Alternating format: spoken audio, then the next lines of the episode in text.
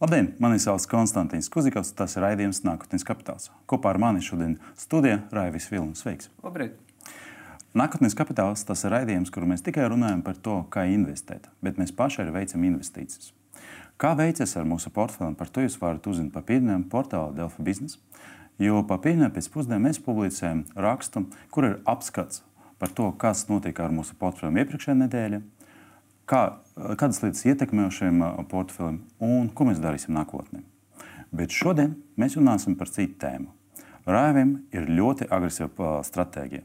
Jau pirmie rezultāti ir, jo pēc investīcijām Baltijas tirgu atšķirība no manis, no mana portfeļa, kur man palēnam, bet portfels iet pie plusa, Rāvim jau uzreiz bija pozitīvs ienesījums. Bet šodien ir cits investīciju veids - kriptovalūtas. Lūdzu, Rāvi!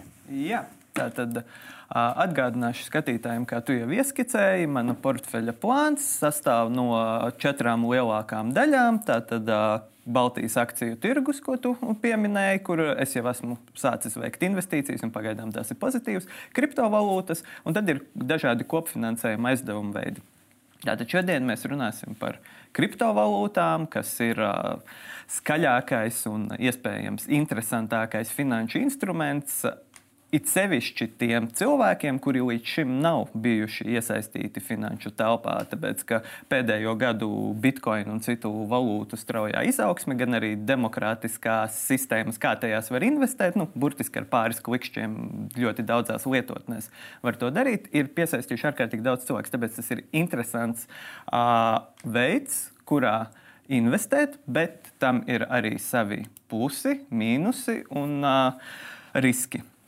Tātad, kā mēs jau pagājušajā raidījumā ar FKTK ekspertu Edmundu Rudzīti apspriedām, kriptovalūtas ir neregulētas, tas ir ļoti riskantas.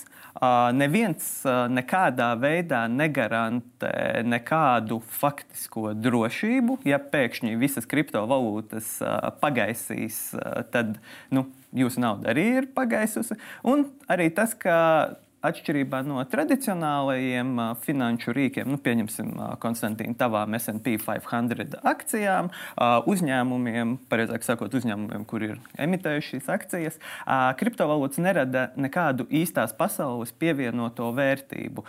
Tās neko neražo, tās nesniedz nekādus pakalpojumus, un vēl jau vairāk, ja mēs salīdzinām ar zelta kluci vai dolāru, tās arī nevar pat sataustīt. Uh, Turpretī pusi kriptovalūtām ir ārkārtīgi liels ienesīgums. Visi ir dzirdējuši pirms pāris gadiem par kriptomiljonāriem, kuri te vienā naktī kļuva stāvus bagāti. Nu, mūsdienās tas vairs, kā mēs arī vēlāk grafikos redzēsim, tāda izaugsme gluži vairs nespīd, bet ienesīgums tik un tā ir liels. Ir ko? Jā. Bet faktiski tā ir spekulācija par lielām. Jo uh, tas varētu parādīties tikpat ātri un ātri pazust. Uh, Tāpēc, ka priekš kriptovalūtām ir vajadzīgi ļoti daudz energoresursu, un mēs redzam, ka tagad tā ir problēma visā pasaulē. Vai tev neliekas, ka tas ir tuvu tam, kas bija pirmā finanšu krīze, kad Holandē bija visi tirgu tulpas? Mm -hmm. Jā, uh, starp citu, tas ir ļoti pareizs. Uh, novērojums un ļoti būtisks risks ir tas, ka šobrīd kriptovalūtas un ap tām visas saistītās sistēmas vēl aizvien dzīvo tādā kā izolētā burbulī, kurš aug. Viņš izplešas uz arvien vairāk citām industrijām, ar kā es vēlāk arī stāstīšu, arvien vairāk uzņēmumu sāk tās pieņemt. Bet, jebkurā gadījumā, tieši tādēļ, ka nav tās īstās pasaules piesaistes, nav nekādu garantiju, jebkurā brīdī to naudu var zaudēt. Tāpēc arī viens no vēlākajiem padomiem ir uh, neinvestēt uh, to, ko tu nevari zaudēt. Un tu gribi investēt savu naudu tieši šādu burbuli? Jā, es gribu Labi. pamēģināt. Kāpēc? Tāpēc, ka Izaugsmes iespējas ir lielas, un uh, vēlākajos slaidos es arī nodemonstrēšu, ka teiksim, vismaz 2022. gadā, ja mēs uh, nepiedredzēsim kaut kādus uh, ļoti traģiskus ģeopolitiskus notikumus vai kaut kādus uh, apstākļus, kas uh, sašūpo tirgu, ko neviens nevar paredzēt, tad vismaz šogad kriptovalūtām vajadzētu būt diezgan labam gadam. Bet man ir jautājums, jo vakardien es saņēmu no Interactive Brokers paziņojumus par to, ka sakarā ģeopolitiskā situācija starp Ukrajinu un Krieviju ir ļoti riskanti tagad pirkt uh, Krievijas akcijas. un uh, Krievijas uzņēmuma akcijas, un uh, ka viņi nenes nekādu atbildību šajā situācijā. Vai kriptovalūta nav tā, ka visam viņu neregulē neviena valsts, un šajā gadījumā vienalga, vai ir kaut kāds risks politisks vai nav, jo tas ir starptautisks produkts. Jā, šeit ir, šeit ir atkal tas drusku labums, drusku sliktums. Kā pagājušajā raidījumā mēs spriedām ar FKTK ekspertu, tad Krievija, Ķīna skatās uz kriptovalūtu aizliegumiem, vai ir jau tos aizlieguši, plāno ierobežot. Turpretī atkal rietumu pasaulē mēs virzamies uz to, ka kriptovalūtu, ja pašas kriptovalūtas nevar regulēt, tad var regulēt tos veidus, kā tās tiek tirgotas, kā tiek nomaksāti nodokļi, brokeru pakalpojumi un tā tālāk. Un, attiecīgi, jā, salīdzinot ar vienas konkrētas valsts uzņēmumiem, kriptovalūtām, tas ir daļa no tā sākotnējā sapņa, decentralizēta ar nevienu valdību, nevienu politiku nesaistīta valūta, kuru var izmantot brīvi visi pasaules iedzīvotāji. Nu, mēs redzam, ka tas gluži nav piepildījies, bet tas ir uh, neliels pluss, ja uh, kaut lokalizētā reģionā, nu, teiksim, pieņemsim, uh, saistībā ar Krievijas-Ukrainas potenciālo konfliktu, izra izraisās uh, problēmas, kuras nu, varbūt neparauj visu pasaules ekonomiku uz leju, tad uh, tomēr šīs akcijas, ja kāds ir investējis uh, NVS tirgos, tad uh, jā, nu, tas ir mīnus. Tāpēc, ka kriptovalūtām arī ir savi pusi. Jā. Um, Un tad viens no tiem lielajiem pusēm un mīnusiem, es godīgi sakot, gatavojot šo stāstu, nevarēju izlemt, vai tas ir pluss vai mīnus, un arī ekspertu viedokļi atšķirās. Jo, kā mēs redzam, CoinMarketCap norāda, ka pasaulē šobrīd ir vairāk nekā 17,000 dažādu kriptovalūtu. Mums eksperti jau brīdina, ka visticamāk 90%, 90% vai pat 99% šo kriptovalūtu pazudīs, izgaisīs. Un daļa no viņām, godīgi sakot, ir krāpniecības schēmas, tāpēc tā ir viena no šīs neregulētās telpas problēmām. Ir tas, ka teju jebkurš var iesaistīties. Uh, it kā kriptovalūtās, bet uh, bieži vien uh, šīs nav īstas kriptovalūtas. Viņas uh, nedarbojas pēc blokķēdes tehnoloģijas, viņām nav nekādas decentralizācijas pazīmes, un bieži vien tā ir digitālā naudiņa, kura stāv uz viena konkrēta servera, kuru tad arī kontrolē viens konkrēts cilvēks. Un tad viņš var šīs naudiņas ciparus grozīt, kā vien viņš vēlas. Kā uzzināt, ka bitkoins nav tāda valūta. Jā. Mākslīga. Māksl, ja, ja Bitcoins ir mākslīga valūta, mm -hmm. bet tagad sanāk, ka mākslīgais bitkoins parādījās. Jā, jā, jā. Nu, tur ir tas, tas, ir tas ir ļoti sarežģīts uh, jautājums, uh, un uh, tāpēc arī visas ekspertu ieteikumi ir Uh, it sevišķi amatieriem, investoriem un cilvēkiem, kuri ir uh, tālāk no tehnoloģija telpas, kuri paši um, to blokķēdes tehnoloģiju tik labi neizprot. Un, godīgi sakot, man jāatzīst, arī es netuvu neesmu uh, tik advancēts IT inženieris, lai es varētu tiešām saprast blokķēdes tehnoloģiju. Tāpēc tas ieteikums ir turēties pie. Uh, uzticamām biržām, uzticamiem brokeru pakalpojumiem un izvēlēties arī tās uh, populārākās, labāk zināmās, ar kurām varbūt arī notiek kaut kāda īstās pasaules darījuma. Nu, teiksim, pieņemsim, Bitcoins ir ļoti labs piemērs, jo šī valūta ir tik populāra, uz to ir tik daudz acis un tā ir tik daudz izpētīta un nu, jau kopēta, ka tas arī sniedz zināmu garantiju, ka vismaz Bitcoins ir Es negribu teikt vārdu īsts, tāpēc, ka digitālajā telpā ir grūti runāt par vārdiem īsts, bet tam, tam ir zināms pamats tehnoloģijās, un tas ir drošāk. Šeit, pieņemsim, ir no Coinmar, Coinbase. Šeit ir redzams 9000 dažādas kriptovalūtas. Tā kā arī mēs redzam, kas ar brokeriem var atšķirties. Ir skrupulozāki servisu piedāvātāji, kuri arī paši varbūt izvērtē, vai šī kriptovalūta ir kriptovalūtas pazīmes, un vai tā nav kaut kāda krāpniecības schēma. Uh, tāpēc jā, ir ļoti svarīgi sekot līdzi un uh, amatieriem ir pilnīgi noteikti jāizvēlas uh, populārākas. Uh, avoti analīzē, kur var smelties datus, uh, šīs ir tādas trīs uh, populārākās vietnes, kuras uh, piedāvā informāciju par uh, kriptovalūtām, piedāvā tendences, izaugsmes, vidējās cenas, cenu kritums. Nu, līdzīgi kā mēs varam apskatīties ar SP 500 akcijām dažādos veidos. Tāpat arī šie šīs vietnes piedāvā analītiku, blogus, skaidrojumus, kuri var palīdzēt. Jā. Kāds vēlās. Es arī pats esmu sācis. Kā, tagad es veidoju savu portfeli, esmu sācis aktīvāk lasīt, lai labāk izprastu, kā šis tirgus strādā, kā strādā šīs pašas valūtas, lai uh, būtu kaut kāda jēga. Jo nevelti viens no ieteikumiem, ko pagājušajā sezonā arī Tev Konstantīns Kaspars Pēcnieks teica, ir saproti, kamā tu investē.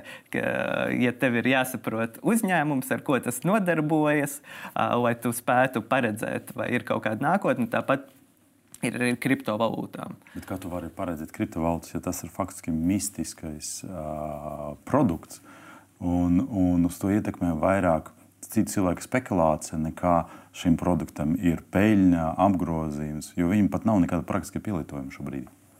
Jā, Nē, nu, nav tā, ka gluži nav praktiska pielietojuma, tāpēc ka it sevišķi bitkoins uh, ir šī valūta, kura ar vien vairāk tiek uh, mainīta pret īstās pasaules labumiem. Mhm. Uh, viņa tiek pieņemta ar vien uh, vairāk vietās, ar vien vairāk uzņēmumu par to runā. Un šeit mēs arī redzam potenciāli 2022. gada notikumi, kas varētu skart kriptovalūtas. Ir, šis ir apkopojums no apakšā redzamie avoti, arī vairākas citas. Lasīju, ir ļoti daudz lietas, kas varētu notikt. Un tiešām šeit ir jāuzsver, ka neviens analītiķis, neviens eksperts nevar paredzēt visu, kas var notikt, it sevišķi ar digitālo telpu. Bet šie ir tādi ar lielāko potenciālu un ar to, kuru arvien vairāk analītiķi min. Tātad stingrāka regulācija vai pilnīgs aizliegums Krievijā. Attiecīgi, Krievija ir liels tirgus, plus Krievijā arī ārkārtīgi liels šo bitkoinu racēju kopums. Krievija ir viena no vadošajām valstīm pasaulē, kur ir šie racēji, un attiecīgi arī aizliegums, ierobežojums, līdzīgi kā mēs esam pieredzējuši Irānā un citās valstīs, ierobežojums rakt kriptovalūtas arī ietekmēs interesi par viņām, un tas var arī nedaudz samazināt šo tirgu, jo nu, nevelti tas ir spekulācijas tirgus, kā tu pareizi minēji. Tad potenciāli stingrāka uzraudzība no S un ASV. Stingrāka uzraudzība dažkārt tiek minēta kā trūkums, bet patiesībā kriptovalūtu kontekstā Visticamāk, tas būtu plus, jo stingrāka uzraudzība uz brokeru servisiem, uz kriptovalūtu tirdzniecību un tā tālāk nozīmē lielāku uzticību. Lielāka uzticība nozīmē to, ka ar vien vairāk cilvēku un ar vien vairāk uzņēmumu un ar vien vairāk varbūt klasiskās finanšu institūcijas kā bankas ir gatavas kaut kādā veidā piesaistīt kriptovalūtas, izmantot kriptovalūtas kaut kādu pakalpojumu sniegšanā, vai arī pārdot īstās pasaules labumus pret kriptovalūtām. Tādējādi stingrāka uzraudzība ir viens no tiem punktiem, kas 2022. gadā varētu palīdzēt. Uh, Ethereum maina sistēmu uz vidē draudzīgāku modeli. Uh, tā tiek vairākus gadus izstrādāta. Uh, attiecīgi, nebūs vairs, ja beidzot tiks pilnībā ieviesta, nebūs vairs jāizmanto. Uh, Mēs esam redzējuši bildes un video no milzīgajām bitkoinu fermām ar uh, neskaitāmiem uh, datoriem, video kartēm. Uh, kriptovalūtu racēji pirms pāris gadiem izraisīja krīzi video, spēl, video spēļu cienītājiem, jo neviens nevarēja pat normāli naudu atļauties nopirkt video karti, jo kripto racēji bija visas izpirkuši. Un tā tālāk, attiecīgi, Ethereum pāriet uz vidē draudzīgāku modeli. Tas ir ļoti svarīgi kriptovalūtām. It sevišķi Ethereum ir iespēja arī, kurš ir otrs tuvākais sekotājs Bitcoinam, audzēt savu. Piekļūt ar vien tuvāk un tuvāk bitkoinam, jo mēs atcerēsimies, ka pagājušajā gadā uh, lielu sajūsmu Bitcoin tirgu izraisīja Ilona Maska un viņa uzņēmuma Teslas apgalvojums, ka Tesla varētu pieņemt bitkoinus. Turpretī pēc sabiedrības uh, sūdzībām, pārmetumiem, ka kriptovalūtas ir ārkārtīgi kaitīgas videi, jo tās patērē nenormālu daudzumu elektroenerģijas, uh, Tesla atteicās. Tādējādi, ja rodas vairāk kriptovalūtas, un sevišķi Ethereum, kas ir jau pārbaudīta vērtība, arī zināma, uh, var tikt izmantota videi draudzīgākos veidos, atkal ir uh, liels potenciāls kļūt uh, draudzīgākai un interesantākai. Jā. Uh, globālie brendi ar vien vairāk iesaistas uh, digitālajā ekonomikā. Uh, NFT, tātad digitālās mākslas tirgus, vai arī citi digitālā veida produkti. Arī ir slavenie modesnami, Gucci, piemēram, ir izdevuši gan NFT digitālajā vidē, gan produktus, kas pavada šos NFT. Tātad, attiecīgi, tas, protams, atkal ir šis varbūt burbulis un modernie uzņēmumi, kuri vēlas palikt aktuāli, tam seko visam, bet atkal, vēl aizvien, jo vairāk īstās pasaules pakalpojumu vai labumu sniedzēji iesaistās šajā tirgu, jo tas savā ziņā kļūst stabilāks un drošāks, jo ir vairāk lietu, kur mēs varam šīs digitālās kriptovalūtas izmantot. Jā, Apple un citu lielu uzņēmumu sāk pieņemt kriptovalūtas. Tas ir viens no minējumiem. Šis nav apstiprināts, bet tā tiek runāts, ka šogad Apple varētu uh, sākt pieņemt, vai arī daļu sava kapitāla varbūt investēt kriptovalūtās. Amazon līdzīgas runas ir izskanējušas, vai arī Amazon veidos pati savu uh, kriptovalūtu vai uh, kāda cita formāta un tā tālāk. Attiecīgi, tas ir vēl viens notikums, kas varētu palielināt uzticību un uh, palielināt jēgu. Un tāpat uh, video spēles un izklaides kompānijas iesaistās tā sauktajā metaversā, tātad uh, digitālajā telpā, kur uh, spēlējot spēles vai veicot kādas citas darbības, ir iespējas nopelnīt kriptovalūtas, pārdot kriptovalūtas un tā tālāk. Tas viss uh, tā kā varētu veicināt to, ka šogad kriptovalūtām uh, varētu būt labs gads. Uh, un jā, šeit ir atkal ieteikums iesācējiem no daudziem dažādiem avotiem. Es tā viņus ļoti saīsināju, vienkāršoju un pietuvināju arī tam, ko pagājušajā sezonā jūs ar Kasparu runājāt.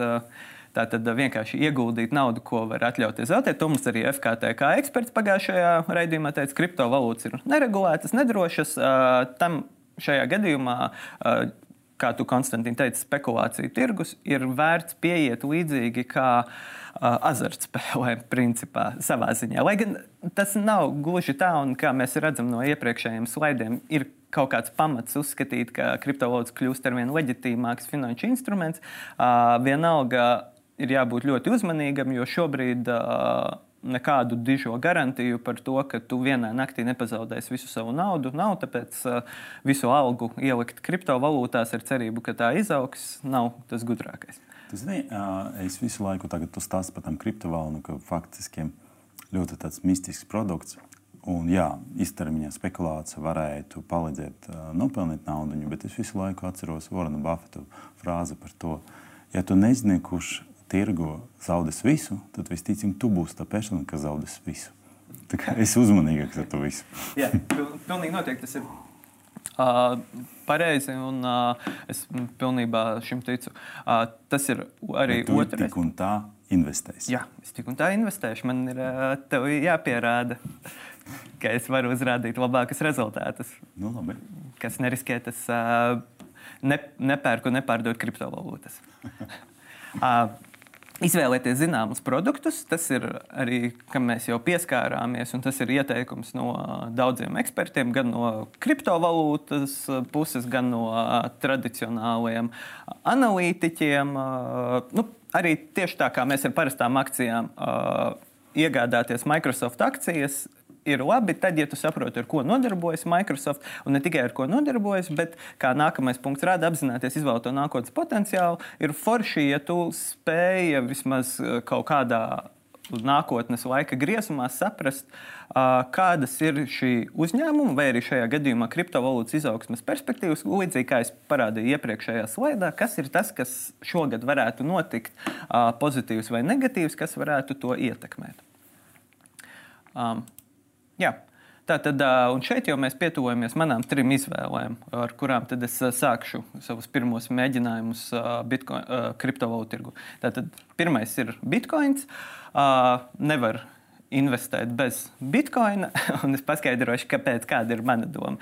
Ņemot vērā, cik bitkoins jau ir populārs un piesaistīts arī dažādiem īstās pasaules labumiem, mazāk vai vairāk.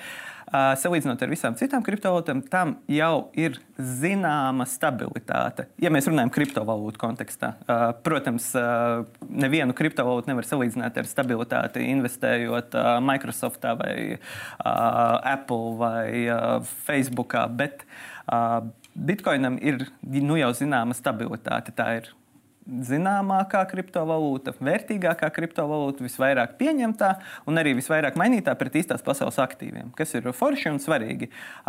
Izaugsmes prognozes ir līdz pat 100 tūkstošiem.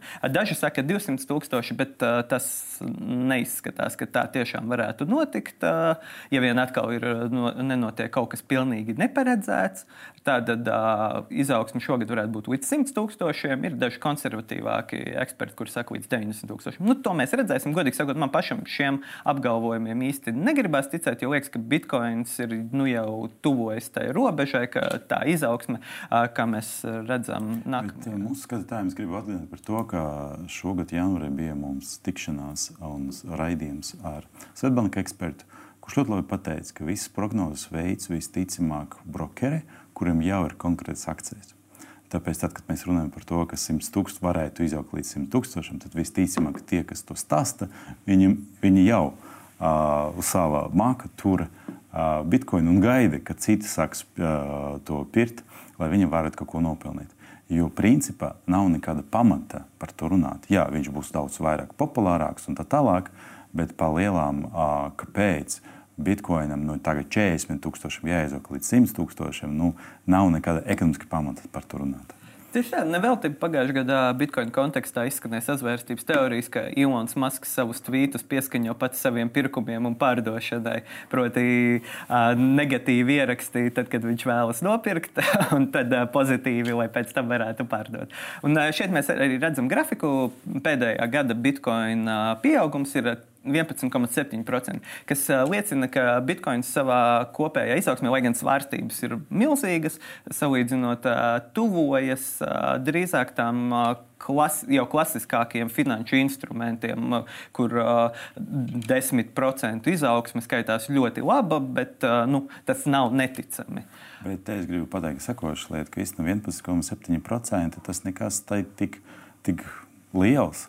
Jo pagājušajā gadā daudzas akcijas parādīja tādu ienesīgumu, un, teiksim, manus privātus portfeļus, tad um, vairākas akcijas parādīja. Ja, principā, uh, ja pagājušajā gadā Apple akcijas pirktu kaut kur uh, jūlijā vai augustā, tad šobrīd ienesīgums būtu pat lielāks nekā 11%. Un tad ir jā, jautājums, vai ir vērts investēt kriptovalūtu, kas, kas ir ļoti riskants instruments, mm -hmm. bet kura ienesīgums ir faktiski uh, tikpat liels vai pat tādu norm, normālu uzņēmumu līmenī parastais vērtspapīra akcijas, kur viss ir stabili, kur tu zini, kādu brīdi investē. Mm -hmm. Jā, tas Tas ir jautājums. Tas to, ir mēs, jautājums. to mēs noskaidrosim. Nākamais, man otrā izvēle ir Ethereum pret Ethercoins, kas ir tuvākais Bitcoin sekotājs. Kā jau mēs pieminējām, šogad tas taisās mainīt savu darbošanās sistēmu, pāriet uz vidē draudzīgāku veidu. Attiecīgi, tas varētu būt interesants daudziem arī par vidi uztrauktiem cilvēkiem, kas tomēr vēlas iesaistīties un uzņēmumiem. Tas iespējo NFT, tātad digitālās mākslas tirgus, principā pērn, kurš uzsprāga pērn, bija balstīts uz Ethereum ķēdes, uz Ethereum blokķēdes tehnoloģijas. Attiecīgi šai blokķēdē ir pielietojums arī citās jomās, un tādējādi tai arī atkal rodas zināma papildus īstās pasaules vērtība, jo to vēlas izmantot citur. Un, kā mēs zinām, NFT nākotnē tiek plānots izmantot ne tikai digitālās mākslas tirgu, bet veidojot drošus elektroniskos parakstus un tam līdzīgas sistēmas.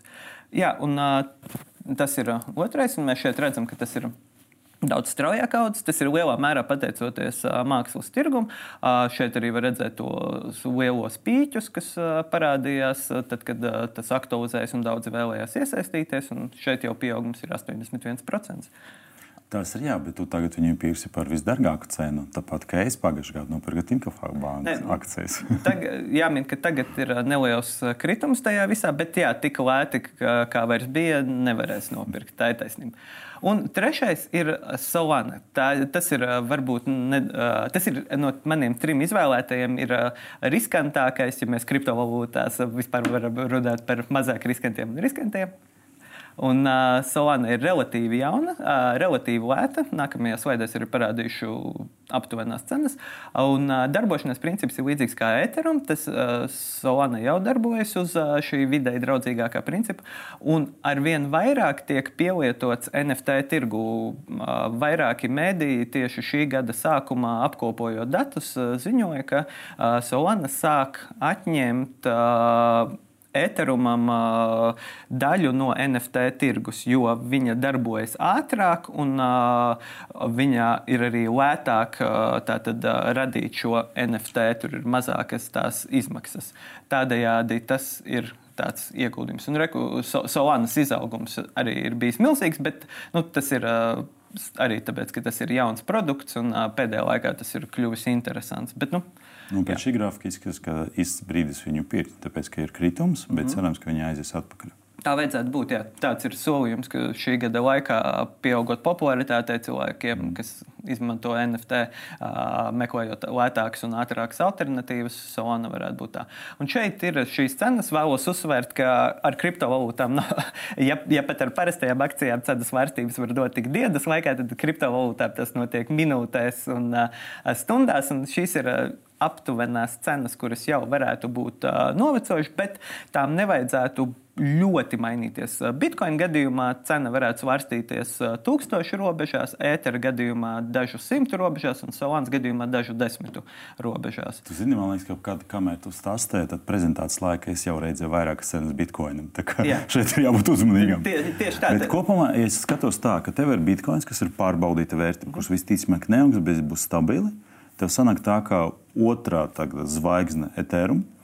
Un, uh, varbūt viņš būs daudz ienesīgāks, varbūt ne tik labi, kā bija pagājušajā gadā, kur bija 180%, bet tomēr viņš ienesīs vairāk. Un Solana ir riskants, bet tieši tur tu varētu dabūt lielāku ienesīgumu. Mm -hmm. Tā kā faktiski tev ir, tu plāno sabalansēt starp visiem, vai tev būs kaut kāds cits proports, ka piemēram Bitcoin 50% no savām investīcijām? Sākotnēji es domāju, ka es sabalansēšu starp uh, visiem līdzvērtīgas, mm -hmm. un tad uh, tālāk arī, nu, protams, skatīsimies, kā attīstās tirgus. Mm -hmm. Um, Tā, šeit īsumā par platformām. Jau pagājušajā raidījumā mēs ar FKT kā eksperti nedaudz pieskārāmies tam, bet nu, jā, tā tad ir Revolut, ko mēs izmantojam ļoti daudz telefonos ērtiem maksājumiem. Tā ir salīdzinoši vienkārša platforma, ļoti ērti ir nopirkt, bet tur runājot par kriptovalūtām, izvēle ir relatīvi maza. Tad ir eToro, kas ir plaši izmantots uh, servisu, kurā var iegādāties akcijas, zeltu, uh, kriptovalūtas un vēl daudz, daudz dažādus resursus. Un, uh, ir, uh, tur ir ļoti daudz analītikas rīku, kas man šķiet simpātiski, un minimāli, tur gan ir minimālais depozīts, lai varētu iesaistīties. Bet tā nav tik liela problēma. Un kas man patīk eToro, ir tas, ka uh, kriptovalūtu peļņu, ja pieņemsim, ka uh, rodas strauji peļņa un rodas sajūta, ka tā peļņa varētu nesaglabāties, var konvertēt uz ilgtermiņa ieguldījumiem daudz vienkāršākā veidā.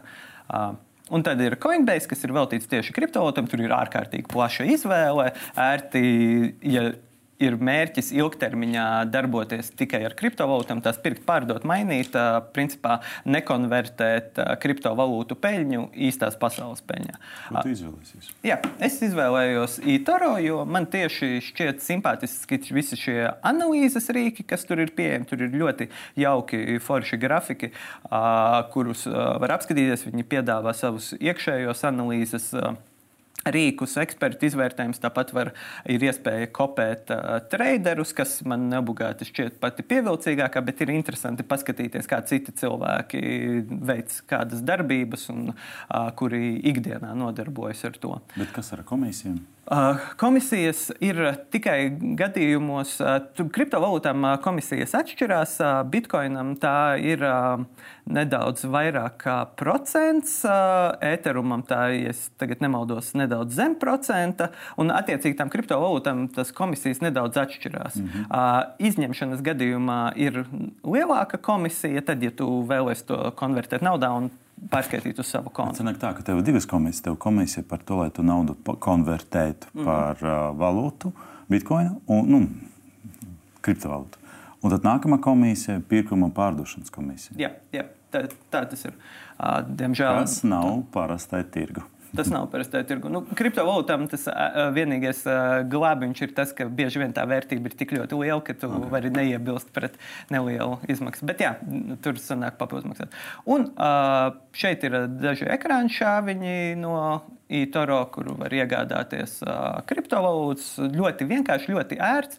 Ar, uh, arī nav gluži tik vienkārši uh, kā Revolut, tik ātri, bet arī ļoti ērti var iegādāties kriptovalūtas. Daži klikšķi un bum, tev jau pieder daļiņa no Bitcoina. No nekā. No nekā, no gaisa. Okay. Uh, un, lūk, tad, nobeidzot sarunu, viena piebilde ir par nodokļiem uh, un nomaksāšanu. Ja man būs peļņa, man arī tas būs jādara, jānomaksā. No nekā, bet tik un tā būs jānomaksā, ja būs peļņa.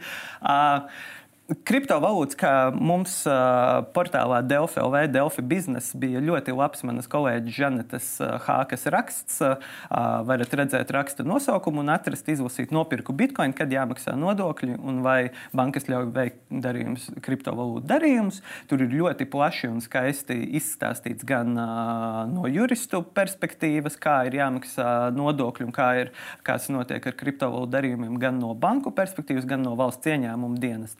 Bet uh, tas lielais kopsavilkums ir tāds, ka, ja uh, summa no darījumiem, ko tu esi nopelnījis pārdodot, nepārs, uh, nepārsniedz 1000 eiro, tad uh, var deklarēt reizi ceturksnī. Savukārt, ja uh, pārsniedz, tad tas ir jādara. Uzreiz, principā, kā tiek veikti darījumi. Bet uh, gan juristi, ko Žanete intervēja, gan valsts ieņēmuma dienests norāda, ka šī ir uh, priekš, itsevišķi priekš Latvijas jauna tēma, un uh, katram, kurš uh, nopietni vēlas iesaistīties šajā un uh, nodarboties ar lielāku apjomu tirdzniecību, pirkšanu, pārdošanu ar aktīvām spekulācijām, būtu uh, vērts, ja vēlas sakārtot, un to vajadzētu sakārtot attiecības ar Latvijas valsti ar nodokļu sistēmu, uh, vērsties vidā pēc konkrētas konsultācijas par katru gadījumu. Tāpēc, ka, uh, Nu, jā, tas ir ārkārtīgi sarežģīti. Tu pērc vienu kriptovalūtu, tad tu to vienu samaini pret otru, tad tu kaut kur starpā zaudē naudu. Zaudējums arī var norakstīt, attiecīgi izmantot un, un tā tālāk. Un tas ir ļoti sarežģīts process, kur pilnīgi noteikti katram, kurš uh, gūst peļņu un vēlas gūt peļņu virs 1000 eiro, būtu nepieciešams uh, konsultēties. Lai nesanāk tā, ka, ka pēc kāda laika, kad nu, jau visa lieliskā peļņa ir notērēta vai zaudēta, vidi klauvē pie durvīm un prasa milzu atmaksas. Nu jā, neizskatās ļoti vienkārši. Kā ar uh, parastām akcijām un ar ieguldījuma kontu kur faktiski tu maksā tikai no tās summas, kas tev pārsniedz tavu ieguldījumu. Jā, tā, tā ir ar kriptovalūtām. Tas ir sarežģītāks. Nu, labi, tas bija interesanti. Tur jau tev jau ir pirmas investīcijas. Tas bija raidījums Nākotnes kapitāls. Raivis veids savus pirmās investīcijas kriptovalūtu, un nākamā nedēļa mēs saldzināsim savus portfeļus. Un tad paskatīsimies, vai divu mēnešu laikā mans portfels, kas bāzēts vienkārši klasiskam akcijām un SP 500, būs lielāks ienesījums vai mazāks ienesījums salīdzinājumā ar Raive portfeli, kur jau ir baltais akcijas un, manuprāt, absolūti gaisa instruments kriptovalūtas. Par to mēs uzzināsim jau nākamā nedēļa, kad mēs audzinām abas divas portfeļus, un tā tiekamies jau pēc nedēļas. Paldies!